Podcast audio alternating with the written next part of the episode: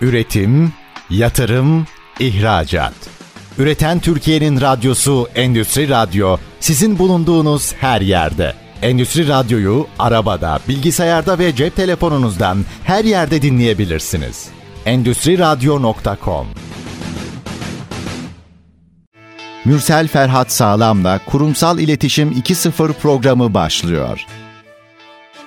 ST Endüstri Radyo'dan merhaba ben Mürsel Ferhat Sağlam. Kurumsal İletişim 2.0 programındayız. Bu ana temayı neden seçtiğimizi birazdan anlatacağım ama öncelikle konuğum olan Dikey Eksen Yayıncılık Genel Yayın Yönetmeni Rahmi Dalıcı'ya hoş geldiniz demek istiyorum. Hoş buldum. Nasılsınız Rahmi Bey? Teşekkür ederim. Sizler iyisiniz. Ben de iyiyim. Teşekkür ederim. İlk programımız ve siz de ilk konuğumuzsunuz. O yüzden bizim için önemli, benim için önemli. Peki bu kurumsal iletişim 2.0 nedir? Biraz ben bundan bahsedeyim. Sonrasında sizi tanımak isteyeceğiz. Kurumsal iletişim 2.0 benim kavramsallaştırdığım ve akademik literatüre kazandırdığım bir kavram. Bu kavram sadece kurumsal iletişimin, geleneksel kurumsal iletişimin dönüşümüyle ilgili değil. Yani sadece dijital dönüşümüyle ilgili değil. Kavramsal dönüşümü, süreç içerisinde neler olacağı ile ilgili bir dönüşüm ve değişim sürecini aktarıyoruz biz kurumsal iletişim 2.0'da. Tıpkı aslında Web 2.0'ın bir benzeri gibi fakat daha kapsamlı, daha sürdürülebilir bir kavramsallaştırma gerçekleştirdik. Çünkü herkesi ilgilendiren, yani kurumları ilgilendiren, kurumların paydaşlarını ilgilendiren, kurumlara danışmanlık yapan veya bu kurumlara hizmet veren insanları da ilgilendiren, uzmanları ilgilendiren ve akademiyi ilgilendiren bir dönüşüm gerçekleştirdik. Kurumsal iletişim 2.0 az önce de belirttiğim gibi dijital dönüşüm, departman dönüşümü, kavramsal dönüşüm kısacası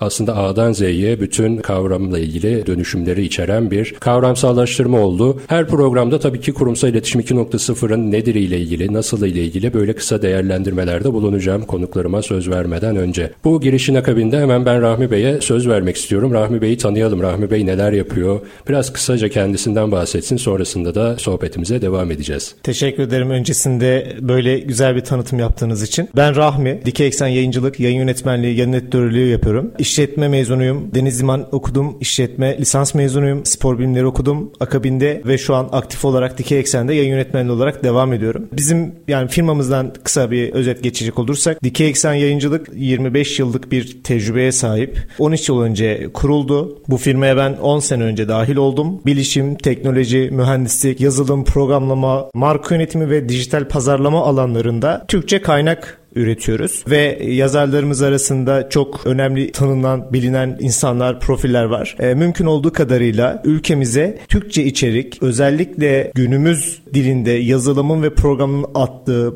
bu kadar popüler olduğu süreçte Türkçe kaynak ihtiyacımız var. Bunları biz gidermek adına içerik üreticiliği yapıyoruz. Evet aslında önemli bir alandasınız. Evet. Ben de yayıncılık sektöründe uzun yıllar bulundum. Aslında mesleği ilk başlangıcım da yayıncılık sektöründe olmuştur. Bir yayın grubunda editör olarak başladım. Sonra yayın danışmanı oldum. Sonrasında da işte mezun olduğum okulla ilgili kendi girişimimi kurmuştum. Yayıncılık benim için özeldir. Yayıncılık sektöründen hiç kopmadım. Yazarlığımdan dolayı biraz da. Tabii ki ama yayıncılık sektörü de dönüşüyor ve bu, bu dönüşümde sizin ve yayın evinizin ve yazarlarınızın aslında büyük bir payı var. Çünkü bilişim yayıncılığı yapıyorsunuz. Teknoloji yayıncılığı yapıyorsunuz ve marka pazarlama odaklı kategorilerde de dijital pazarlama ile ilgili de dijital markalaşma ile ilgili de yayıncılık yapıyorsunuz. Dolayısıyla aslında edebi türlerde kitaplardan ziyade bilişim yayıncılığının kurumsal iletişime de dijital pazarlamaya da ve işte kurumsal iletişimin oluşturan, marka yönetimini oluşturan diğer alt kavramlara da büyük katkısı oluyor. Dolayısıyla yayın evinizin misyonu çok farklı benim gözümde en azından öyle. Ve aslında bu programı konuk olmanızın da odak noktasında yayın evinizin ve sizlerin bir bilişim yayıncılığı yapıyor olmanız etkili oldu. Tabii yayıncılığın dönünü de siz de çok iyi biliyorsunuz. Ben de yayın sektörünün içerisinde olduğum için çok iyi biliyorum ve sektörü 10 yıldan fazladır takip eden, sektörün içinde bulunan biri olarak çok iyi biliyorum. Ama sizden tabii ki dinlemek istiyorum. Yayıncılığın dönünden biraz bahsedelim, nostalji yapalım aslında. Sonra bugüne gelelim ve sonra da birlikte geleceği konuşalım. Yani sadece tabii ki bilişim yayıncılığı açısından bahsetmeyelim. Genel manada yayıncılığın dönünden biraz bahsedelim. Hem yazarlar açısından, yazar algısı açısından hem yayıncı algısı açısından hem de okur açısından. Aslında yayın evi dediğimiz şey birçok paydaşı bir arada bulunduran bir sektör, bir kuruluş diyelim. Yazarlar var, dağıtımcılar var, kitap evleri var, okuyucular var, okuyucuların arkadaşları var. Dolayısıyla kitaplar elden ele dolaşıyor. Dolayısıyla çok büyük bir etkileşimli bir sektör. Büyük bir sektör ve etkileşimli bir sektör. Biraz dününden bahsedelim. Yani yayıncılık dün nasıldı, bugüne nasıl evrildi ve geleceğe doğru nasıl gidiyoruz? Ben de tabii ki görüşlerimi paylaşacağım.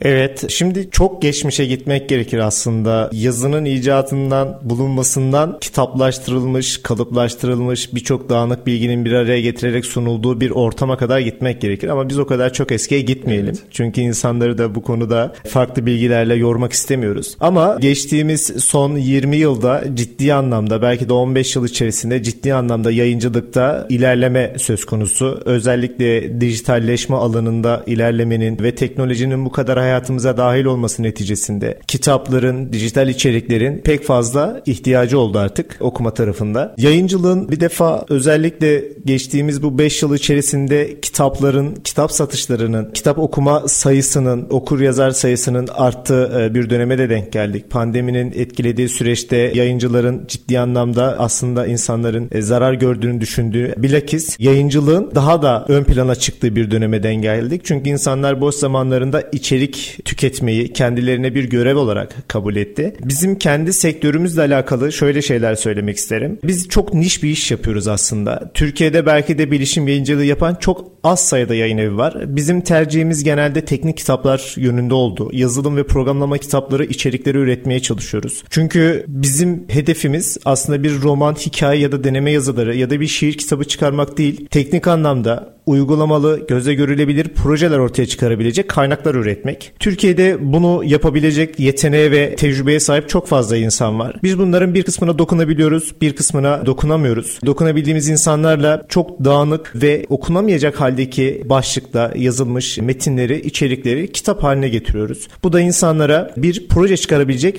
format halinde içerik ortaya çıkarmış oluyor. Bu vesileyle geçtiğimiz yıllarda hem ekonomik tarafında hem de genişlemesi anlamında yayın yayıncılığı ele alacak olursak da ekonomik tarafında gerçekten herkesin de bildiği üzere belki de sektörlerde en çok yara alan ve artık yayın evlerinin ve dağıtım firmalarının çok zorlandığı bir sürece girmiş bulunuyoruz. Bu yaşadığımız pandemi sürecinden kaynaklı da diyebiliriz ya da dijital içeriklerin artmasından kaynaklı da diyebiliriz. Ama benim kendi gözlemlediğim ve sektörde olduğum ve gördüğüm kadarıyla şunu söyleyebilirim. Dijital içeriklerin artması kitapların basılamaması noktasında bir etkisinin olmadığını düşünüyorum kesinlikle ve kesinlikle tamamen işin ekonomik boyutuna bakıyoruz biz. Çünkü bir birime mal ettiğiniz bir kitabı şu an kesinlikle 20 birimin altına düşüremiyorsunuz. Bunun en büyük sebebi, en büyük maliyetlerinden, masraflarından bir tanesi de maalesef kağıt kağıdın %90'ını yani ithal olarak gördüğümüz için birinci sınıf ve ikinci sınıf kaliteli kağıtların kağıt üretimindeki ve bize ulaşana kadar gelecek o maliyet süreç bizim kitap baskı maliyetlerimizi ciddi anlamda arttırıyor. Bu nedenle bizi tek zorlayan ve bize zarar veren nokta bu. Belki de şu an Türkiye'de birçok yayın evinin zorlanmasının en büyük etkenlerinden bir tanesi sadece maliyet kalemi olarak gördüğü kağıt masraflarının ciddi anlamda artması. Ve şu an nereye gidiyoruz yapıyoruz diye soruyoruz kendimize. Acaba hani 10 sene sonra kendimizi basılı yayınlarda nerede görüyoruz diye değerlendiriyoruz zaman zaman kendi içerimizde. Yani birçok insanın basılı içeriklerin hayatımızdan çıkacağına dair fikri var. Ama ben çok inanmıyorum. Çünkü 10 sene önce de bazı bulunan teknolojiler bizim için e, çok zirvede görünüyordu. Şimdiki teknolojiler de çok zirvede görünüyor. 10 yıl sonra da yine hayatımızda basılı içeriklerin olacağına ben inanıyorum. Çünkü bu kadar teknolojik kaynakların öğretilmesi ve aktarılması için dijital ortamların bir noktadan sonra yeterli olmadığını, kimi insanın hala basılı yayınlar yayınlarından yararlanmak istediğini ve bu yayınlardan hayatımızda her zaman var olacağına inanıyorum. E, tabii zaman buna beni yanıltmaz umarım. Yani zaman bunu bize iyi anlamda gösterir, olumlu anlamda Pandemi gösterir. süreci bile aslında e, birçok şeyin değişmesine neden oldu ve birçok konuda yanılmamıza da sebep oldu aslında pandemi şartları. 10 yıl sonrası şu andan baktığımızda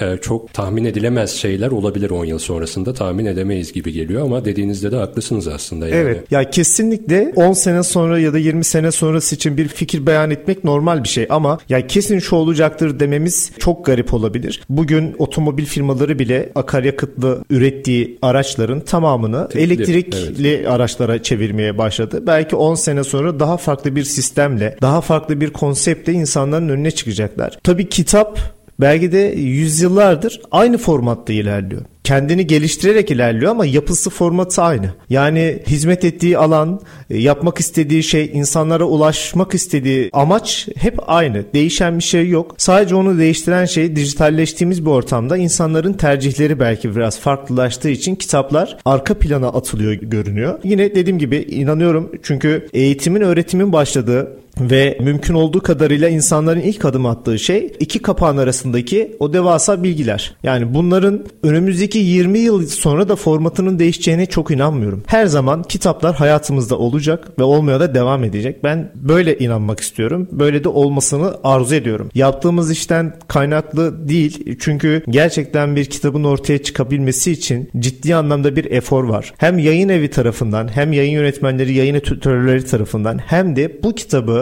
emek verip bilgisini, deneyimini, tecrübesini aktarıp bir eser ortaya çıkarmaya çalışan e, yazarlar tarafından bir emek var. Bu emeklerin bu kadar zahmete katlanarak ortaya çıkan bir kaynağın 20 sene sonra ben yok olabileceğine ya da 30 sene sonra yok olabileceğine inanmıyorum. Çünkü bu insanlar ve sonraki gelen insanlar hep üretmeye devam edecek. Ürettikçe de güzel içerikler ortaya çıkacak ve kitaplar hayatımızda var olmaya devam edecek. Evet ben de aslında buna katılıyorum. Yani tabii dediğiniz gibi aslında medeniyetin başlaması da yazıyla birlikte olmuştur. Yani kitaplar, yazı, alfabe vesaire hayatımıza girdiğinde insan medenileşti. Yani biz medeniyeti yazıyla başlatıyoruz tarihsel olarak. Dolayısıyla yazının değeri azalmaz. Size katılıyorum o noktada. Kitapların da değeri azalmaz.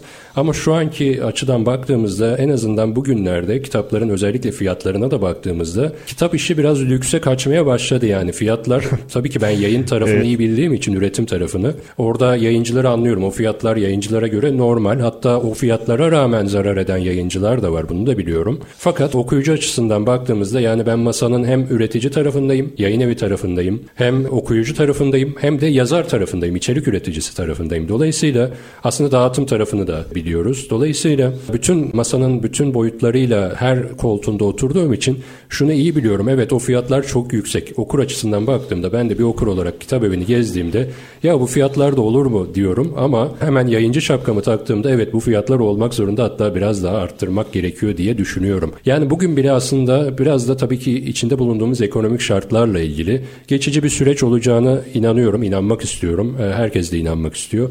Evet son 1-2 yıldır özellikle koronavirüs pandemi sürecinde sadece Türkiye değil bütün dünyada aslında bir ekonomik problemler, sektörel problemler yaşandı. Dijitalleşme arttı. Onun da tabii ki bu işi uygulayan kişi veya işte bu işi uygulayan kurum olarak, kurumun yöneticisi olarak bir ajans işleten kişi olarak en azından firmaların, kurumların, insanların nasıl dijitalleşeceği ile ilgili kaygılarını çok yakından gördüm ve şunu gördüm aslında yani ben bugünden yarına dijitalleşmek istiyorum koronavirüs sürecinde işte o pandemi sürecinde insanların o dijitaldeki alışveriş aksiyonundan ben de yararlanmak istiyorum diyen birçok firmaya rastladım ama bu tabii ki bugünden yarına olan bir şey değil. Yayıncılık açısından da durum böyle. Yani bugünden yarın hemen dijitalleşelim, hemen e-kitaplara geçelim, okuyucuyu buna alıştıralım gibi bir durum söz konusu ne yazık ki değil. Özellikle bir de şu var yani kitap kokusu, o kağıdın insana verdiği hoş seda diyelim. Bunların etkisi tabii ki okuyucu açısından hala önemli. Evet kitap lüks olsa bile okuyucu bu kitabı edinmek istiyor. En azından bazı kitaplar okuyucu için çok özel oluyor. Benim de kitaplığımda çok özel diyebileceğim kitaplar vardır ve onlara ne kadar yakınım olursa olsun kimseye hediye edemem mesela. Benim için öyle özel kitaplar vardır. Bazısı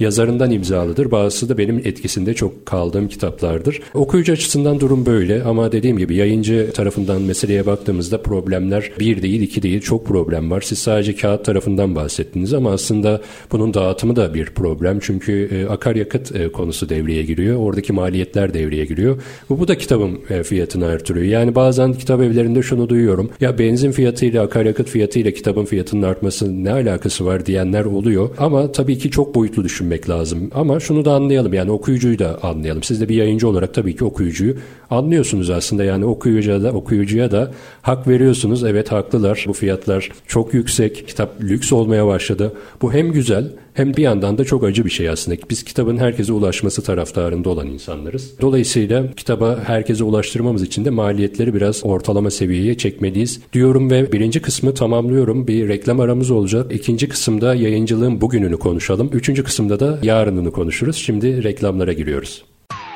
Üretim, yatırım, ihracat.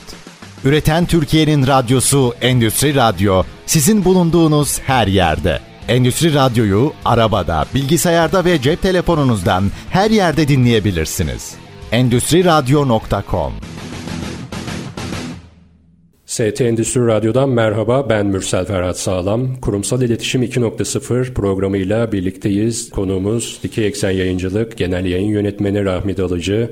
İlk kısımda yayıncılığın dönünü konuştuk. Programın ana teması özelinde ilerleyeceğiz ve dolayısıyla yayıncılığın dönüşümünü de konuşacağız. Yayın evlerinin dönüşümünü konuşacağız. Reklama girmeden önce ikinci kısımda yayıncılığın bugününü konuşalım demiştik. Aslında biraz ilk kısmın sonlarına doğru bugününe biraz değinmiştik. Ama devam edelim bugününü konuşmaya. Özellikle ben şunu istiyorum aslında Mart 2020 itibariyle yani Türkiye'de ilk vakanın görüldüğü, pandeminin başladığı Türkiye'de tarihten itibaren aslında biraz yayıncılığı konuşalım, yayın evinin dönüşümünü konuşalım. Sonra da yayıncılığın yarınına doğru biraz evrilelim. Pandemi süreci özellikle bilişim yayıncılığını nasıl etkiledi? Ki tabii ki o süreçte benim birçok kitabımda çıktı. Pandemi sürecinde yazarlar boş durmadılar, yazdılar.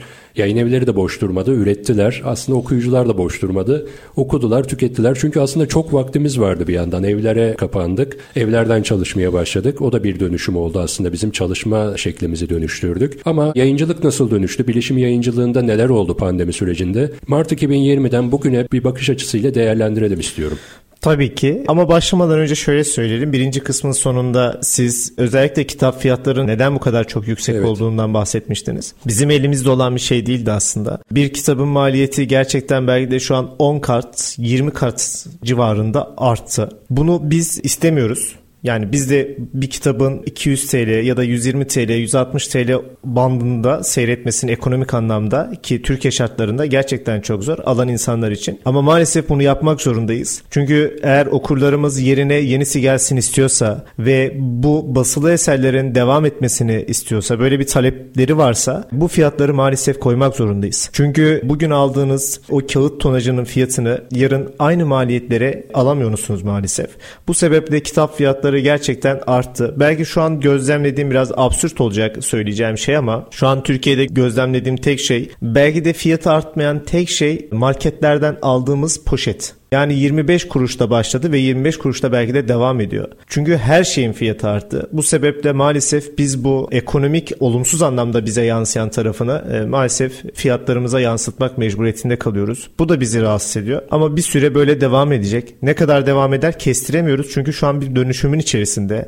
Bütün sektörler bu şekilde. O yüzden kitap fiyatlarından herkes rahatsız. Üreten insanlar da rahatsız. Bizler de rahatsız yayın evi olarak. Üreten taraf olarak. Alan insanlar da rahatsız. Öğrenciler öğrenciler rahatsız. Bir öğrencinin ekonomisinin büyük bir kısmını kitaba vermesi gerçekten iyi bir şey değil. Olumlu bir şey değil bizim açımızdan. Ama bunları yapmak mecburiyetindeyiz. Tabii şöyle yani maliyetleri nasıl minimize ederiz konusu gündeme gelince aslında e-kitap olayı gündeme geliyor. E-kitap yayıncılığı, yayın evleri de evet bu işin bir parçası oldular. E-kitap üretiyorlar. Yani basılı kitabın dijital formatında üretiyorlar. Bütün dijital teknolojik ve mobil cihazlarda okunabilecek şekilde üretiyorlar. Fakat okuyucu dediğim gibi başta da söyledim söylemiştik. Yani o kağıdın kokusunu, o kitaba sarılma hissiyatını istiyorlar. Yayıncılar da burada ikilemde kalıyor. Yani eğer biraz daha uygun fiyata bu kitabı istiyorsanız dijital formata almak zorundasınız gibi bir durum söz konusu oluyor. Ama okuyucu da istiyor ki o fiyata ben basılı kitabı almak istiyorum. Böyle bir durum söz konusu oluyor. Ben tabii ki yayıncılığın dijitalleşmesini savunanlardan tarafım. Kitap bir lüks olarak belki kalacak. Belki bir koleksiyon aracı olarak kalacak. Okuyucu açısından ya da kitap severler açısından. Bundan bir 20 yıl sonra, 10 yıl sonra belki böyle bir duruma evrilecek edeceğiz. Ve dijitale adapte olamayan yayıncılar da yavaş yavaş ne yazık ki pazardan çekilmek zorunda kalacak. Daha önce bir araştırma yapmıştık. Sanıyorum 5000'e yakın yayıncı var Türkiye'de. Yani belki daha bile fazladır bizim bulabildiğimiz 5000 yayıncıydı. Dolayısıyla çok büyük bir rakam aslında. Çok önemli bir pazar. Türkiye yayın evi sektörü açısından çok önemli bir pazarı doyurmaya çalışıyor aslında. Okuyucu açısından bakıyoruz. Evet kitap üretim sayıları artıyor. İstatistiklere bakıyoruz. Basılan kitap sayısı artıyor. Basılan tür sayısı, kitap türü sayısı artıyor ve doğru orantılı olarak da fiyatlar da artıyor. Okuyucu da madem bu kadar kitap satılıyorsa ben tabii ki biraz burada okuyucu tarafında oluyorum. Bu kadar kitap üretiliyor, satılıyor, dağıtılıyor o zaman yayıncılar açısından bir sorun yok gibi bir durum söz konusu oluyor. Ama yayıncılar açısından durum pek öyle değil aslında. Yani özellikle şu pandemi döneminde sizin de söylediğiniz gibi herkes içerik üreticisi oldu. Herkes içerik üretiyor. Dijital kitap üretmek çok kolaylaştı. Bununla ilgili araçları herkes kullanabiliyor artık. Ve insanlar şöyle olaya bakıyor. Ben içeriği yazıyorum yazıyorum. İçeriği kitaplaştırabiliyorum dijital formatta ve içeriği dağıtabiliyorum. Yani sosyal medyada herkesin bir kitlesi var. Ve dağıtabiliyorum diyor. Hatta satabiliyor da veya işte belli resmi durumları aşabilirse de kitabına o kodları alabiliyor. Literatüre de kazandırabiliyor. Bakanlığın sistemine dahil olabiliyor. Yani aslında bireysel olarak yayıncılık 2000'lerden itibaren tabii ki arttı ama şu anda daha da fazla arttı. Yani insanlar şu anda kendi içeriklerini kitaplaştırabiliyorlar. ISBN kodunu alıyorlar. Kültür Bakanlığı'nın literatürüne girebiliyorlar. Üniversitelere gönderebiliyorlar. Bu süreçler artık kolaylaştı. Ama yayıncıların değeri tabii ki bu noktada azalmadı. Hatta bence çok daha fazla arttı. Yayıncılar bu noktada ne düşünüyor? Yani basılı yayında biz ısrar edeceğiz mi diyorlar. Özellikle bilişim yayıncılığı yani sizler. Biz dijital yayıncılıkta önce olacağız mı diyorsunuz yoksa basılı yayıncılıkta biz e, standartımızı bozmak istemiyoruz oradan devam edeceğiz mi diyorsunuz. Bir de tabii ki sesli kitap olayı var. O da çok yükselen bir trend. Dolayısıyla o alanda da olacak mısınız mesela? Yani bilişim yayıncılığı ben tabii ki teknik kitaplarda bu biraz zor. Özellikle yazılım kitaplarında. Hadi marka pazarlama kitapları, dijital pazarlama, sosyal medya, marka yönetimi vesaire. Biraz daha işin sosyal bilgiler tarafında olan kısımlar biraz daha kolay belki dinlenebilir. Dinlendikçe de olay anlaşılabilir, algılanabilir. Ama teknik kitaplarda bu durum pek öyle değil. Ne bileyim bir Python kitabında bir yazılım, bir kod anlatılacak veya bir işte internet reklamcılığı ile ilgili panel yönetimi ile alakalı kitapta belli veriler var, teknik kısımlar var. Bunlara evet anlatılabilir ama dinleyince anlaşılmayabilir. O yazıyı görmek, o kodu görmek, onu belki görerek yazmak veya incelemek gerekebilir. Okuyucu açısından bunu da değerlendirelim yani teknik kitapların sesli kitap olarak ne kadar faydalı olabileceği veya işte e-kitap olarak ne kadar faydalı olabileceği. Ben şunu da şu görüşümü de paylaşıp hemen o noktada size söz vereceğim. Özellikle bazı kurumlar var tarih içerikleri üreten, akademik kitap üreten ve Türkçe kaynak kitaplar üreten bazı akademik yayınlar var ve kamu tarafında olan yayınlar bunlar. Ben her zaman şunu savunuyorum. Bu kitaplar bence e-kitap olarak yayınlanmalı. Çünkü özellikle bu kurumlarda sırada bekleyen binlerce akademisyen var kitabının yayınlanmasını bekleyen. Çünkü sadece kitap yayınlatmak okuyucuya ulaşsın diye de yayınlatılmıyor. Akademide kitap yayınlatmanın farklı amaçları var. İşte kariyerinize devam etmeniz için, akademik puan kazanmanız için o kitabın yayınlanması gerekiyor. Ve sadece bazen yayınlamak için yayınlanıyor kitaplar. Ben de diyorum ki sadece yayınlanmak için yayınlanmasın. Çok değerli araştırmalar çıkıyor o kitaplardan. Ve bu kitaplar bence e-kitap olarak yayınlansın ve hatta ücretsiz dağıtılsın. Yani telifi ödensin yazara ve o kitaplar çünkü zaten dağıtılmıyor, okunmuyor. Çok sınırlı sayıda basılıyor. Çünkü akademik puan almak için aslında o kitaplar basılıyor. Yazara da bir faydası olmuyor. Okuyucuya da olmuyor. Sadece o akademik dünyada belki sadece o üniversitedeki hocalara hediye edilen kitaplar oluyor onlar. Akademik kariyerin de içerisinde biri olarak bundan her zaman yakınmışımdır. Yani bu değerli içerikler daha fazla kişiye ulaşsın demişimdir her zaman. Ben bu görüşümü de böyle aleni bir şekilde madem bizi milyonlar dinliyor söylemiş olayım. E-kitap yayıncılığına karşı olmamak gerektiğini düşünüyorum. Özellikle yayıncılığa 50 yılını 60 yılını belki daha fazla süresini yayıncılığa vermiş yayın evlerimiz, değerli yayın evlerimiz var. Onlar biraz ayak diriyorlar. Bence bu noktada bir teşvik edici olmuş olalım. Yani bu noktaya da değinmek istedim o yüzden.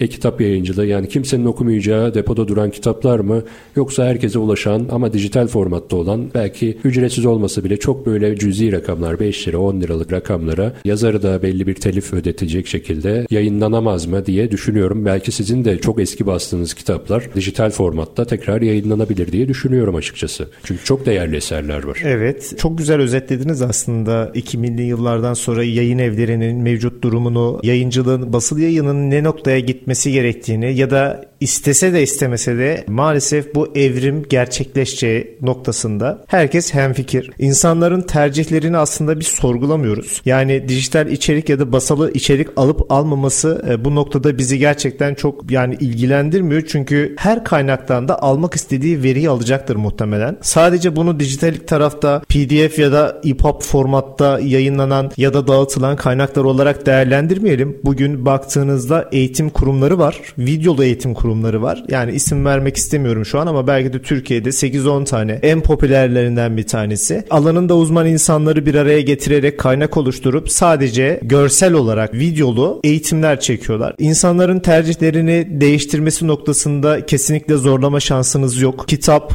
dijital formatta bir kaynak veyahut video ile hazırlanmış bir kaynağı tercih etmesi okuyucunun kendisine kalmış bir durum. Bizim maalesef dediğiniz gibi Türkiye'de basılı yayın yapan yayın evlerinin büyük bir kısmı kesinlikle dijital tarafta bir alanda kendisine yer açmak mecburiyetinde. Ama bütün enerjisini ve kuvvetini buraya mı vermek zorunda? Bence asla yani %100 evet diyemem. Kesinlikle hayır. Bir yandan götürebilecekse ekonomik anlamda bunu yönetebilecekse dijital tarafta kaynak üretmeye çalışması bence yani olumsuz bir hamle olmaz. Yani insanlar bir de şöyle değerlendiriyor. Maalesef büyük şehirde yaşayanlar Türkiye özelinde söylüyorum ben. Dünya özelinde söylemiyorum kesinlikle. Türkiye özelinde söylüyorum. Ülkemizin büyük şehirleri dışında bahsettiğiniz dijital içeriklere ulaşabilecek teknolojiye sahip insan sayısı da çok az. Bugün yani bu acı bir gerçek maalesef. Çünkü yani ülkemizin belli noktalarında hem internet anlamında hem altyapı anlamında yani bunu siz dijitale geçmiş olmanız sizin bir adım atmanızı sağlayacaktır. Ama bir de sizin dışınızda bu ortamların müsait olması gerekiyor. Gerçekten Türkiye'de bu ortamlar acaba müsait mi? Yani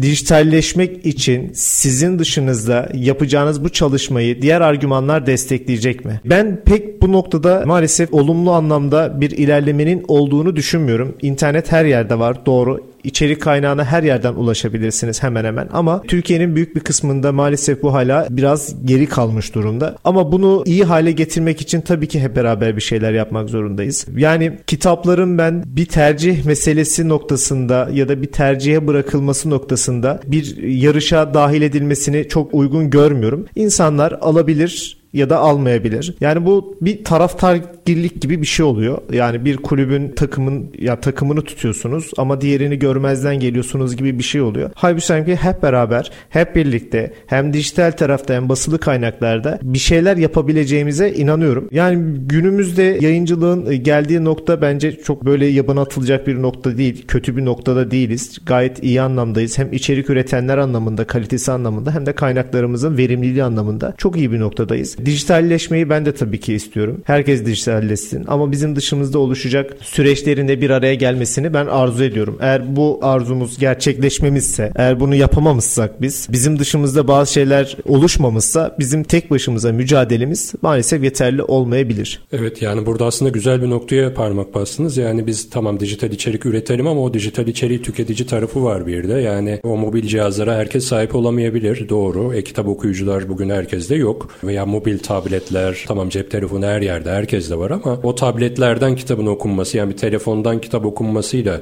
bir tablet aracılığıyla ya da o iş için üretilmiş, o e-kitabın okunması için üretilmiş bazı e-kitap okuyucular var. Ben de kullanıyorum açıkçası. Özellikle yine bu pandemi döneminde çok kullandım. Yani belki hayatımda hiç okumadığım kadar dijital kitap okudum. Çok da ilginç bir deneyimdi benim için. Hem teknik kitaplar açısından yani akademik kitaplar diyelim daha doğrusu. Hem çok akademik kitap okudum e-kitap olarak hem de çok roman ve hikaye okudum. Çok da hoşuma gitti. Yani e, bir cihaz içerisinde onlarca yüzlerce kitabı barındırabiliyorsunuz. Bu çok güzel bir şey. Ama benim gibi kitap kurdu diyelim ya da kitap aşığı insanlar için tabii kütüphane çok önemlidir. Benim de evimde çok güzel bir kütüphanem var ama dijitalde de bir özel bir kütüphanem olsun istemiştim ve buna yönelik de özellikle dediğim gibi son iki yıldır, üç yıldır bir dijital kütüphane oluşturma kaygım da var. Ama herkes böyle olmayabilir. Teknik açıdan buna müsait olmayabilir veya algısal olarak buna müsait olamayabilir. Yani sizin bu noktada söylediğiniz gerçekten çok önemliydi. Biz üretelim dijital kitap tamam bütün enerjimizi buna verelim ama bu içerikler acaba okuyucuya ulaşacak mı? Türkiye dediğimiz İstanbul'dan, Ankara'dan ibaret değil. Dolayısıyla Türkiye'nin bütün coğrafyalar, bütün şehirlerinde, bütün ilçelerinde, bütün köylerinde çocuklar, gençler, üniversiteliler bugün artık her şehirde, her ilçede üniversite var. Dolayısıyla bu her ilçedeki üniversitedeki insanlar bu kitaplara ulaşabilecekler mi? Ama diğer taraftan bakıyoruz, üniversitelerin kütüphanelerinde o kitaplara ulaşabiliyorlar. Yani basılı kitabın hala bir enerjisi, bir katkısı var okuyucuya. Dolayısıyla size o noktada da katılıyorum. Yüzde yüz enerjimizi buna vermeyelim. Bu doğru bir çıkış çıkıştı. İkinci kısmı da bu şekilde tamamlamış olalım. Üçüncü kısımda da artık tamamen geleceğe odaklanalım. Yani yayıncılığın yarını, yakın gelecek ve uzak gelecekte yayıncılık ne e, formatta olacak bunları konuşalım. Ve şimdi kısa bir reklama gidelim tekrardan. Üçüncü bölümde görüşmek üzere. Üretim, yatırım, ihracat. Üreten Türkiye'nin radyosu Endüstri Radyo sizin bulunduğunuz her yerde. Endüstri Radyo'yu arabada, bilgisayarda ve cep telefonunuzdan her yerde dinleyebilirsiniz. Endüstriradyo.com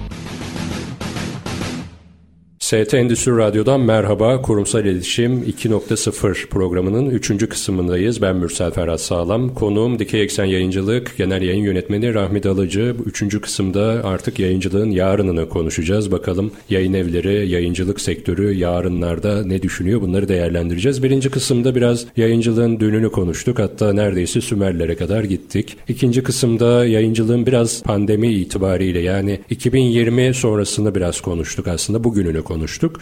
Üçüncü kısımda da yarınını konuşalım diye karar verdik ve şimdi yayıncılığın yarınını konuşacağız ve tabii ki özetleyeceğiz de yayıncılık yarın bize neler getirecek? Bugünkü format çok değişecek mi, dönüşecek mi yoksa böyle devam mı edeceğiz? Bunları konuşacağız. Yine tabii ki hem yazar tarafında değerlendireceğiz, hem yayıncı tarafında, belki hem dağıtımcı tarafında, okur tarafında belki daha çok değerlendirmeler yapacağız. Çünkü aslında yayıncılığın olmazsa olmazı sadece bence okurlardır. Dağıtım vesaire diğer paydaşlar da tabii ki önemli ama okuyucu olmazsa yayıncılık tabii ki sürdürülebilir olmaz, devam edemez. Tabii ki diğer yayıncılardan daha ayrı bir yere koymak lazım bilişim yayıncılarını, teknoloji yayıncılarını. Çünkü bugüne özel içerikler üretiyorlar, yarına özel içerikler üretiyorlar ve çok niş bir kitleye içerik üretiyorlar. Bir yandan da aslında akademik dünyanın ve sektörde bulunan insanların ilgisini çekecek içerikler üretiyorlar. Her ne kadar niş bir içerik desek de aslında herkesi ilgilendiren hatta bugün Z kuşağı diyoruz, alfa kuşağı diyoruz. Sonra onlardan sonra gelecek gamma kuşağı, beta kuşağı var. Bunları da ilgilendiren aslında içerikler üretiliyor. Yani Rahmi Beylerin ürettiği 10 yıl önce ürettiği bir kitap şu an hala değerini koruyor. Her ne kadar yayın işte o kitap tükenmiş olsa da içerik anlamında değerini koruyor ve tekrar tekrar belki basılıyor, güncelleniyor. Bir yandan da şöyle bir problem var bilişim yayıncılığının. Örneğin internet reklamcılığı ile ilgili bir içerik ürettik, bir kitap ürettik. Panel tamamen değişebilir. Dolayısıyla iki ay sonra o kitap eskiyebilir. Ama evet. iki yıl sonra da eskiyebilir. Dolayısıyla öyle problemler de var. Aslında o problemleri hiç değinmedik yani bilişim yayıncılığı ile ilgili.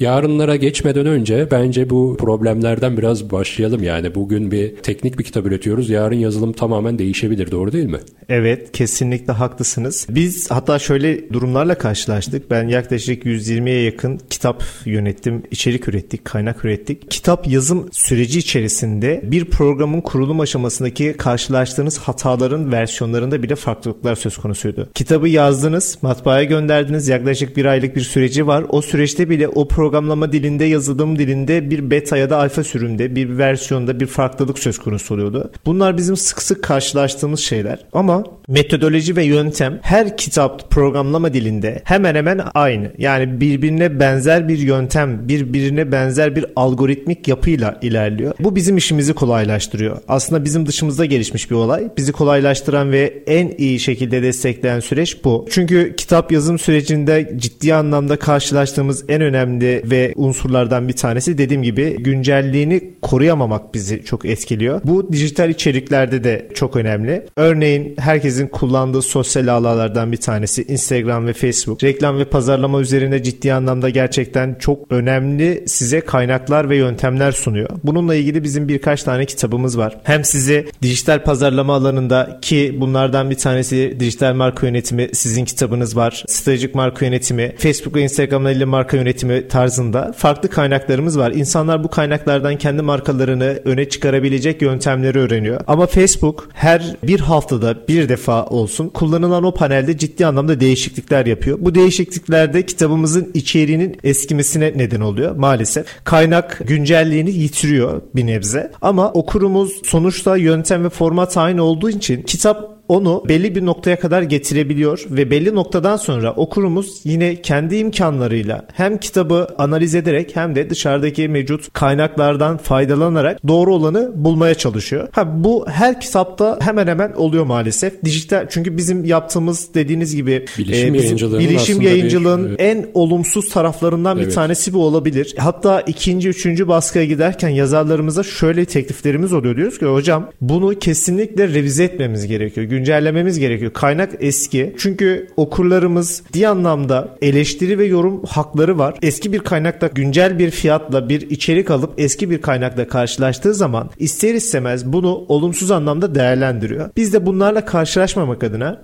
yeni baskıya gittiğimizde yazarlarımıza ricamız oluyor. Bunun güncellenmesi adına. Kitaplarımızı bu şekilde ayakta tutmaya çalışıyoruz. Şayet güncellenmemesi durumunda o kitapla birkaç yıl devam ediyoruz. O da maksimum 2 yıl ve üçüncü yılda yeni sıfırdan başka bir içerik yazmak ihtiyacı hissediyoruz. Çünkü güncelliğini devam ettirmeyen kaynaklar bizim için olumsuz geri dönüşler doğuruyor ve bunun neticesinde hem okur tarafında hem de kendi vicdanımızda e, bunun çok iyi olmadığı kanaatine varıyoruz. E, bu nedenle bizim karşılaştığımız bu hatayı ortadan kaldırmak adına güncelliğimizi yazarlarımızla beraber her zaman devam ettirmeye ve sürdürmeye çalışıyoruz. İşte aslında o dijital kitap olayı burada da devreye giriyor. Çünkü dijital kitabı güncellemek çok daha kolay oluyor bence. Anlık bir şekilde güncellenebilir. Yeni baskı gibi hemen dijitalde sunulabilir. Dijital kitapların böyle bir artısı da var. Evet basılı kitap tükendikten sonra ikinci baskıya girecek ve ikinci baskıda belki güncellenecek ama dijital kitapta öyle bir şey söz konusu değil. Panel değişti hemen o hafta içerisinde kitabı da güncelleyebilirsiniz dijital tarafta. Öyle bir durum oluyor mu mesela? Aynı kitabın dijitali daha güncel ama basılı kitabı işte tükenince güncelliyoruz gibi. Ya tabii ki oluyor ama şöyle bir durum da söz konusu bu sefer. Ayrım yapmak gerekiyor orada bence. Dijital kitapta siz içeriği güncellediğiniz zaman belki de 10 sayfalık 20 sayfalık bir güncellemeye bu sefer o okur, o kitaba sahip olmuş kişi kitap güncellendi düşüncesiyle kendi cebinden emeğinin karşılığını alacağını düşündüğü bir kaynağı aynı benzer bir miktarda bir para daha ödeme yapıyor. Ve karşılaştığı şey onu çok üzebilir. Çünkü güncellikten kastımız 400 sayfalık kitabın her bir sayfasında yaprağında bir güncelleme gerçekleşmiyor. Genelde program mantığını yöneten sistem içerisinde kurulum aşamasındaki hataların, kurulum sürecindeki karşılaşabilecek durumların değerlendirmesi neticesinde oluşan hataların güncellenmesinden kaynaklı bizim kitaplarımız nazarında söylüyorum. O yüzden 5-6 sayfalık bir güncellemeye siz onu yeni diye duyurduğunuz zaman dijital içerikte karşı tarafın hoşuna gitmeyecek şekilde bir satış gerçekleşmiş olur. Ha, bu bunu şöyle de değerlendirebilirsiniz. Ya bu basılı kitapta da aynısı olmuyor mu? Olmuyor. Çünkü basılı kitapta zaten sahip olduğunuz bir şeyi okur şöyle değerlendiriyor. Sonuçta mağazalardan da e, sahip olabiliyor bu kitaplara işte e, büyük e, kitap marketlerinden. Kitap marketinde bu kitabı inceleme fırsatı olduğu için o güncellemenin tam olarak ne olduğunu görme şansı oluyor görsel olarak. Bu nedenle dijitalde güncellediğiniz kaynakları duyurduğunuz zaman satın almış insanlara tekrar bunu sanki çok iyi niyet gözetmeden tekrar pazarlıyormuş gibi bir durum ortaya çıkıyor. Biz bunun önüne geçmek adına fazla tercih etmiyoruz ama bu dijitalleşmeyi ya da dijital içerik üretmeyi olumsuz anlamda değerlendirdiğimiz anlamına gelmiyor kesinlikle. Dijitalleşeceğiz. Bunun başka bir yolu yok. Başka bir alternatifi de yok. Ama aynı zamanda bizim yaptığımız, ürettiğimiz kaynakların yazılım ve programlamaya dayalı olması nedeniyle diğer kitaplara nazaran biraz daha tercihi yani tercih edilen ve asla vazgeçilmeyen kaynaklar olarak değerlendiriyoruz. Yani sesli kitap aldığınız bir romanı okuyabilirsiniz dinleyebilirsiniz. Ama bizim kitaplarda maalesef yani bizim için olumlu, okur için olumsuz bir süreç var. Öyle bir şansınız yok. Programlama ve yazılımda kesinlikle tekrarlar, hatalar, tekrarlar ve hatalar neticesinde öğrenebilirsiniz. Kopyala yapıştır mantığı işlemez. Yani onu biliyorsanız biliyorsunuzdur. Başka bir yöntemi ya da çözüm yok. Onu öğrenmeniz gerekiyor. O programlama diline sahip farklı formatta kodlamaları yapmak mecburiyetindesiniz. Dinleyerek kodları yazamazsınız da öğrenemezsiniz de. Ha şöyle olabilir. Ancak sesli kitabın okuması neticesinde belki dijital ortama sesli konuştuğunuz zaman aktardığından kaynaklı o programlama dillerini belki algılayıp aktarabilir. Yani bu belki işlerinizi kolaylaştırabilir. Ama bizim yaptığımız işten ötürü kesinlikle kendi kaynaklarımız yaptığımız için söylüyorum. Programlama kitaplarının ömrünün diğer içeriklere nazaran daha fazla olacağına inanıyorum. Ya şu an örnek vermek pek mümkün olmuyor ama anonim olarak değerlendireceğimiz birçok eser, çok önemli kaynakların birçoğu artık basılı olarak hizmete sunulmuyor. Kesinlikle dijitalleşti. Hatta seslendirilme yönüne gidildi. O yüzden bizim kaynaklarla normal diğer hikaye, roman ve deneme formatında, şiir formatında hazırlanmış kaynakları ciddi anlamda ayrıştırmak gerektiğini düşünüyorum. Kesinlikle yani dijital içerik üretici üreticisi olmak çok ayrı bir şey. Teknik kitabı dijitalleştirmek çok ayrı bir şey.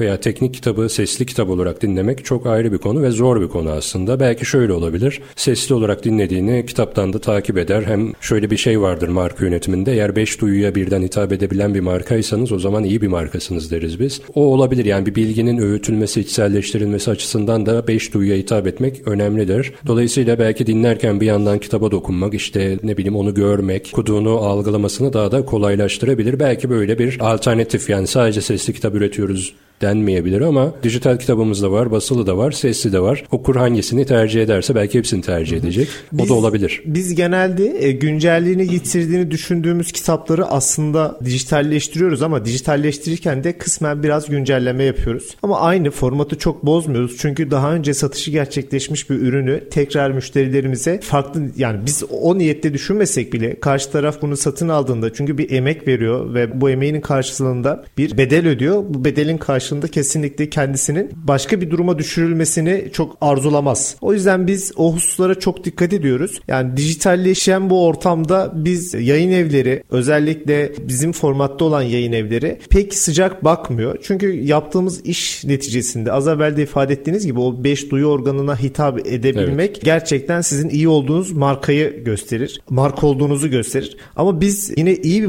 markayız. İyi işler yapıyoruz. Teknik kitap hazırlayan yayın evlerinin tamamı için söylüyorum bunu. Ama işimiz gereği o 5 duyu organlarından bir kısmına maalesef biz kendimiz hitap edemiyoruz. Çünkü evet. tamamen teknik konulara dayalı ve yazılıma, programlamaya, dijitalleşmeye çok müsait olmayan içeriklere sahibiz. Bu sebeple belki bugün değil ama önümüzdeki 10 yıl, 20 yıl içerisinde tamamen teknolojinin de bizim açımızdan olumlu bir şekilde gelişmesi yani bizim için de faydalı şeyler üretebilecek noktaya gelirse biz de o noktada dijitalleşme tarafına gidebiliriz teknik kitaplar için söylüyorum. Yani şu an bizim interaktif eğitim videoları var. İnteraktif eğitim videoları kitapları e, destekleyici. Evet, kitapları bizim içeriklerimizi yine destekleyen eğitim videoları var. Hem sosyal ağlarda hem de farklı e, ücretli satılan platformlarda. Yani o yüzden bizim içeriklerimiz için basılı kitap şu an ömrünü tamamlamamış diyebiliriz. Bu bizi sevindiriyor.